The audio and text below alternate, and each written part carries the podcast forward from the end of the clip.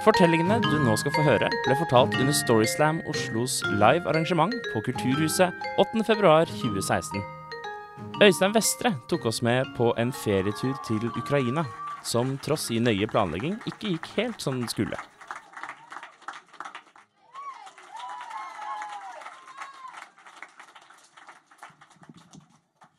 Ja, jeg heter da Øystein. Ja da. Eh, og jeg er eh, 46 år. eh, ja. Eh, yndlingsfarge grønn. Ja. Og i tillegg til det så elsker jeg å reise. Det er det kjekkeste jeg vet, er hvis jeg kan reise til litt sånne sære reisemål. Og det var nå for ikke så lenge siden, et par år tilbake, at jeg, da kjære, min kjære og noen venninner av oss fant ut at de skulle til Syden. Så sa jeg at ja, det er greit, jeg skal til Syden, men da skal jeg til Russlands Syden. Da reiser vi til Jalta på Krim. Og det gjorde oss. Den gangen var det i Ukraina. Eh, oss reiste til Krim via Riga. Og da de landa på flyplassen i Simferopol ja, det er hovedstaden på Hjalta, nei, på Krim, så applauderte flypassasjerene.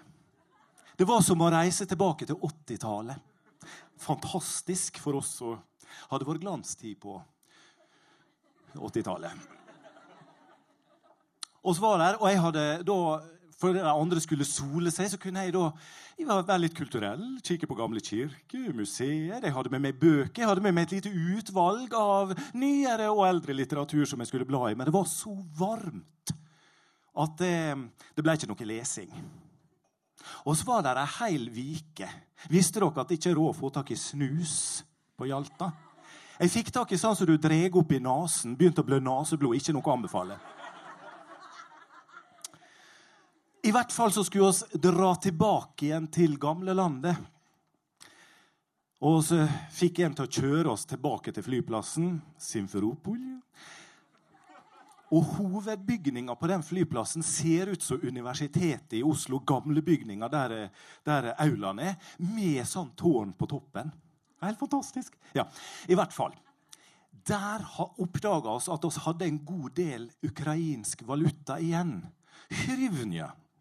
Og, så måtte bruke opp de hryvnjene vi hadde igjen.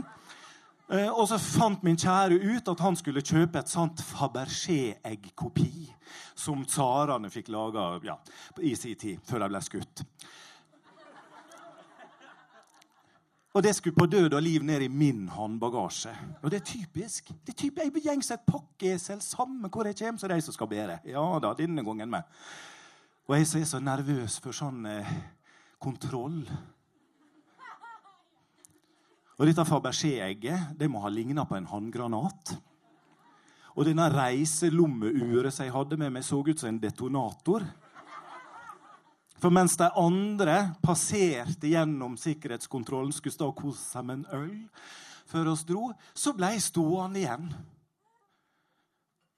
Og han som satt ved dette røntgenapparatet så du sender gjennom han ja. Og så måtte jeg åpne opp bagen, og jeg flira. Liksom, ja, det her er egget, liksom, og der er sånn. Og så la jeg ut mer enn jeg egentlig trengte. Også disse bøkene mine, som han begynte å bla i. Tid, jeg trodde ikke det var noen som satt i røntgen på Simferopol Aeroport som las nynorsk. Men tydeligvis så gjorde han det, for han begynte å bla i boka, som var veldig gammel. Og så tenkte jeg bare få tilbake boka. Nei, den skulle han ha. Og så tenkte jeg, men Det er jo ikke sovjettid lenger nå, så det kan ikke være noe sensur. Men så begynte han å peke på årstallet i boka. Ja It is over 50 years old. Ja. ja, det var jo sikkert det. Og så kom jeg plutselig på, jeg hadde jo lest meg opp på sånn innførsel og utførsel. og Visste dere det at det ikke er lov å ta med seg antikviteter ut av Ukraina som er mer enn 50 år gamle? Nei.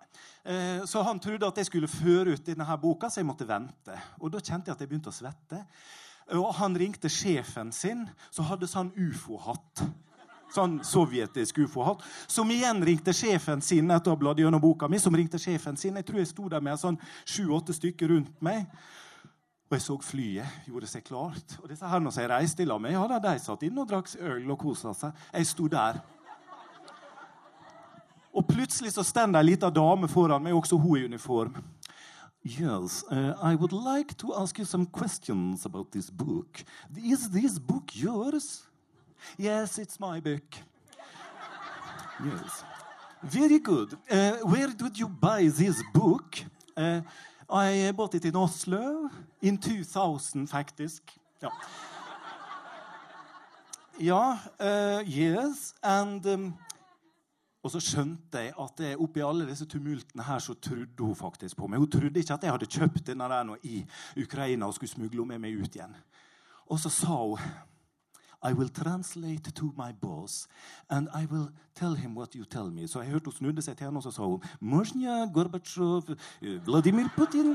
Og han nikka og nikka, og så som en sånn avsluttende handling så ba hun meg altså om følgende Yes, could you please read a little bit from your book? Ja, og Der måtte jeg åpne opp boka, og så la seg, og der nynorsken der ville ikke dere heller ha forstått. For det var litt sånn Og nå fjotler hypla høysenrøy i våren Mens det passerte folk i sikkerhetskontrollen på Hjalta.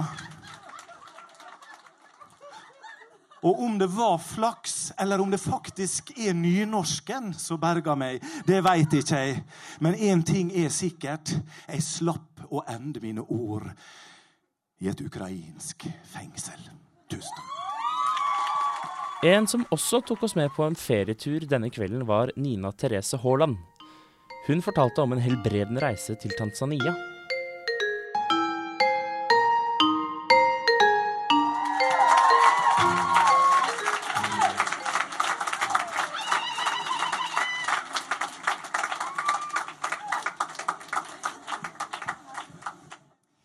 Ja. Mitt navn er da Ninni. Jeg er 26 år, og favorittfargen min, det er vel rødt. Jeg er en sånn person som er litt redd for sykdommer. Jeg har alltid antibakteriell i håndtaska. Og jeg drikker ikke vann som kommer fra springen. Jeg har alltid ei Imsdalsflaske med meg. Og på nattbordskuffa der holder jeg ei liste over matvarer eller produkter som kan være kreftframkallende. I løpet av 2015 så hadde jeg opp mot tolv legebesøk.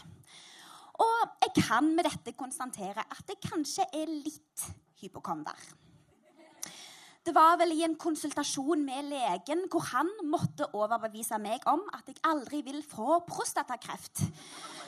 Som gjorde at han foreslo at jeg burde gå til terapi. Jeg valgte å gå til en sånn eksponeringsterapi uka etterpå, hvor man der skal møte frykten i hvitøya. Og jeg tok dette ganske så bokstavelig, så jeg bestilte meg en fire ukers tur til Tanzania. Idet jeg landa i Tanzania, så bestemte jeg meg for at jeg skulle møte alt med den største åpenhet. Og så gjorde jeg. Jeg spiste mat som hadde stått ute i solsteigen hele dagen. Jeg drakk til og med det lokale vannet som kom ifra de rustbelagte springene. Og jeg befant meg på sånne kulturelle seremonier der jeg delte drikkebeger sammen med 40 andre mennesker. Og jeg vendte hjem til Norge uten den eneste skramme, innvendig eller utvendig. Jeg var kurerte! Det første jeg gjorde idet jeg kom hjem til leiligheten min på Sankthanshaugen, var å ruske vekk den lista med disse her kreftfremkallende eh, matvarene på. Og jeg la meg ned i senga med det største smilet om munnen. Jeg våkna opp dagen etterpå og kjente at eh, senga den var helt gjennomvåt. Jeg kunne ta på toppen av dyna og bli fuktig i håndflaten. Og jeg kjente hvordan feberen hadde begynt å ulme litt i kroppen. Men istedenfor å gjøre det jeg normalt ville ha gjort, altså ringt til legen, så tenkte jeg at jeg heller skulle gå ut og få litt frisk luft. Og jeg bevegde meg ut av leiligheten og gikk over gaten i Oslo. Og der kjente jeg hvordan feberen begynte å ta tak i muskler og ledd. Og det begynte etter hvert å bli litt vanskelig å gå, så jeg satte meg ned på en benk. Og feberen den begynte å stige, og jeg begynte å bli ganske så svimmel i topplogget. Og i fare for å gjøre et dramatisk fall midt i Oslo sine gater, så tok jeg opp hånda og prøya den første taxien jeg så. Jeg klarte ikke å få fram noen ord til sjåføren, og han fant ut jeg måtte på legevakten. Vel framme så tok jeg det som hadde blitt min 90 år gamle kropp, og stagga bort mot skranken. Sykepleieren hun kikka i dette likbleike ansiktet med svetten som pirpla ned ifra tinningen og et glassdrag over øynene. Og jeg trengte kun å si ett eneste ord. Afrika Sykepleieren hun trykka på kode rød, og før jeg visste ordet av det, så var jeg i blålys opp mot Ullevål sykehus. I mottakskomiteen det sto der leger og sykepleiere iført sånne lange regnfrakker med gummihansker opp til albuene. De hadde vernebriller, munnbind og hårnett. De tok forsiktig tak i min infiserte kropp og la den på ei tralle. Og vi føyk innover i ganger og korridorer. Jeg så bare hvor slampene forsvant én etter én etter én etter én. Til jeg befant meg i det innerste rommet. Jeg skulle på isolat. Legene de fant fram apparater og ledninger, og dette plastra de inn til kroppen min. De stakk meg i magen, i brystet og i fingrene. Og de tappa flere kanyler av blod. I feberørska klarte jeg bare å samle noen få ord av det som foregikk i rommet.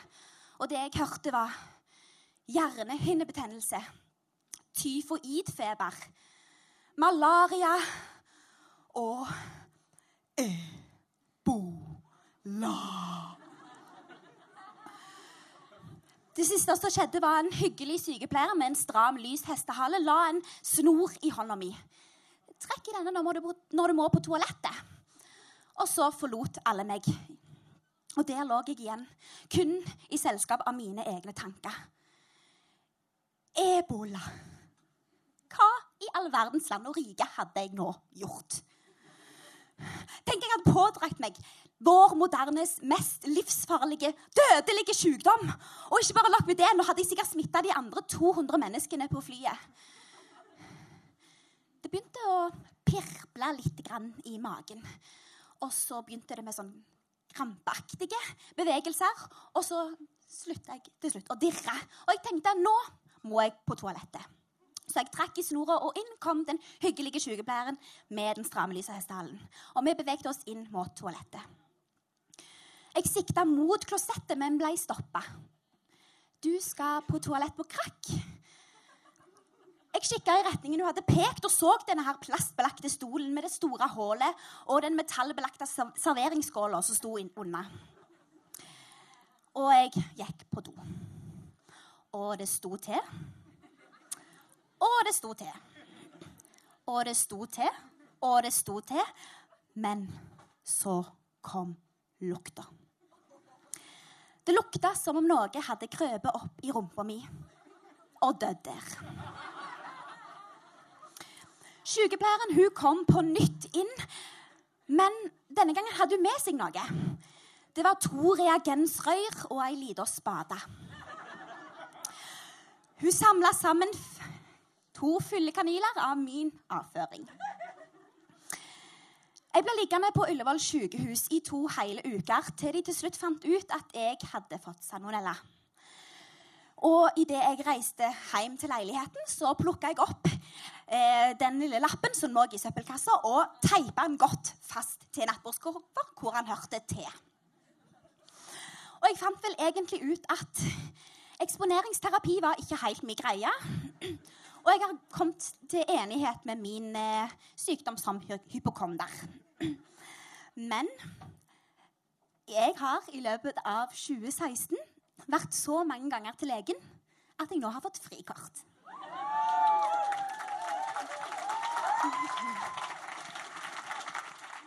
Hvis du likte disse fortellingene, eller vil finne ut mer, så finner du Storyslam Oslo på Facebook og Instagram. Vårt neste live-arrangement blir på Kulturhuset i Oslo 4. april klokken 20. I mellomtiden kan du abonnere på vår podkast, som kommer ut med ujevne mellomrom.